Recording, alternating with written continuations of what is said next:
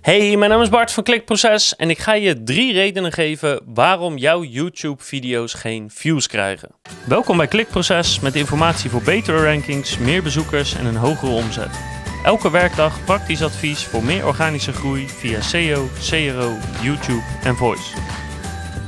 Heb je een YouTube kanaal en wil je meer views op de video's hebben of vind je eigenlijk dat jouw video's wel wat meer views zouden verdienen, maar lukt het niet en weet je niet goed hoe het komt, dan ga ik je nu de drie redenen geven wat hoogstwaarschijnlijk de oorzaak is, één van die drie of alle drie, waarom jij minder views krijgt dan je vindt dat je verdient.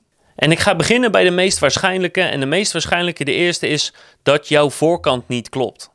En daar bedoel ik natuurlijk niet letterlijk je voorkant mee. Daarmee bedoel ik de voorkant van de video. En de voorkant van de video is wat iedereen ziet als ze in YouTube zitten. En dat is je thumbnail, de afbeelding die in het scherm staat en je titel. Want die twee samen bepalen of iemand op jou gaat klikken en jouw video gaat kijken of niet. Dus als niet genoeg mensen kijken, is dat waarschijnlijk een groot probleem. En het maakt niet uit waar je zit, of je nu uh, ergens op zoekt in YouTube, dan zie je die thumbnail en dan zie je die titel. Als je nou al een video zit te kijken en je hebt rechts al die aanbevolen video's, zie je weer een titel en je ziet weer die thumbnail. En ook als je een YouTube-video embed op een website of ergens anders, dan nog steeds zie je elke keer die thumbnail en die titel. Dus daarom is het zo cruciaal. Dat komt overal terug. Nou, ik heb een hele aparte video gemaakt over hoe je de perfecte YouTube thumbnail maakt. Dus daar zal ik even naar linken, die kan je kijken. Maar in essentie gaat het hier om. Je moet zorgen dat je een mens, een dier of een voorwerp duidelijk op de foto hebt. En je moet tussen de 1 en 4 woorden toevoegen wat de aandacht trekt.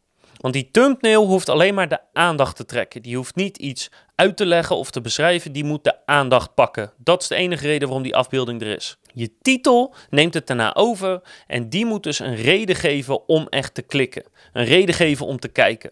En dat kan zijn omdat je beschrijft wat er in die video zit, dat dat interessant genoeg is. Het kan zijn dat het je nieuwsgierig maakt. Het kan controversieel zijn. Het kan met geld te maken hebben. Er zijn heel veel verschillende soorten goede titels. En daar zal ik nog wel een keer een aparte video van maken. Maar je moet zorgen dat je thumbnail de aandacht pakt. En dat overgeeft aan de titel. En dat die zo aantrekkelijk is dat je denkt: ja, ik klik daar. En als je niet genoeg views krijgt, dan is de kans heel groot dat je niet genoeg aandacht besteedt aan die twee elementen. Je moet je voorstellen dat de meest succesvolle YouTubers van de wereld soms wel uren en uren spenderen aan de perfecte YouTube thumbnail. Ik heb zelfs verhalen gehoord dat ze specifiek naar een deel van het land rijden met zonsondergang om die ene foto te kunnen maken die ze als thumbnail kunnen gebruiken. En als je dus niet op zijn minst uh, meer dan 10 minuten hebt besteed aan je thumbnail, is de kans groot dat die dus niet goed genoeg is en dat die niet duidelijk genoeg is, niet aantrekkelijk genoeg is.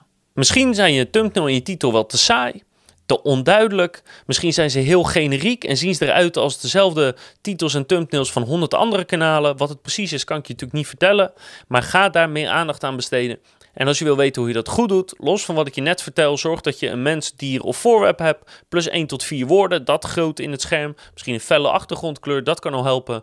Maar het is heel simpel. Ga naar succesvolle YouTube-kanalen, kijk wat voor soort thumbnails zij gebruiken en leer daarvan. En kijk natuurlijk even onze andere video over hoe je de perfecte YouTube thumbnail maakt, want dan ja, krijg je eigenlijk alles stap voor stap uitgelegd van mij. Reden nummer 2 is dat je helemaal geen promotie van je video doet. Dus je hebt je video geüpload op YouTube en dan denk je dat je klaar bent.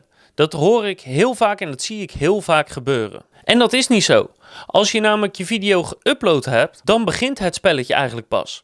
En dan moet je ervoor zorgen, zeker als je kanaal klein is of nieuw is, dat je zoveel mogelijk onder de aandacht komt bij je doelgroep. En dat betekent dat je het kan delen op social media of je kan het sponsoren op social media.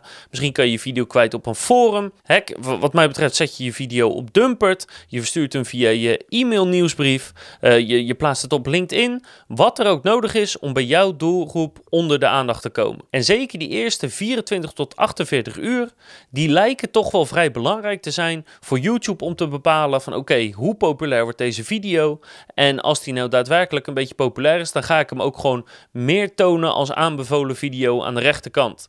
Dus die eerste 24 tot 48 uur moet je echt pushen om wat views te krijgen op je video. Des te groter is de kans dat YouTube hem ook organisch meer laat zien. En reden nummer drie, en dat is eigenlijk wat generieker, maar misschien is je video gewoon niet zo goed. Misschien is jouw video gewoon niet goed genoeg. Misschien is die te saai, misschien is het te veel van hetzelfde. Misschien is die niet duidelijk genoeg. Er kunnen verschillende redenen zijn waarom je video gewoon niet goed genoeg is en dat mensen gewoon zo snel afhaken dat YouTube besluit om niet zoveel te laten zien. Dat is iets, daar moet je echt zelf kritisch naar kijken. Of je moet eens aan uh, onbekende mensen vragen om je video te kijken en gewoon oprecht eens te vragen wat vind je ervan of wat kan beter. Dat zijn de drie hoofdredenen waarom jij minder views krijgt dan je vindt dat je verdient. Ik zou zeggen, ga daaraan werken. Bestudeer succesvolle YouTube-kanalen om daarvan te leren. En ik hoop natuurlijk dat je de volgende keer weer kijkt, luistert of leest, want dan heb ik nog veel meer advies voor je op het gebied van YouTube, conversieoptimalisatie, voice en SEO.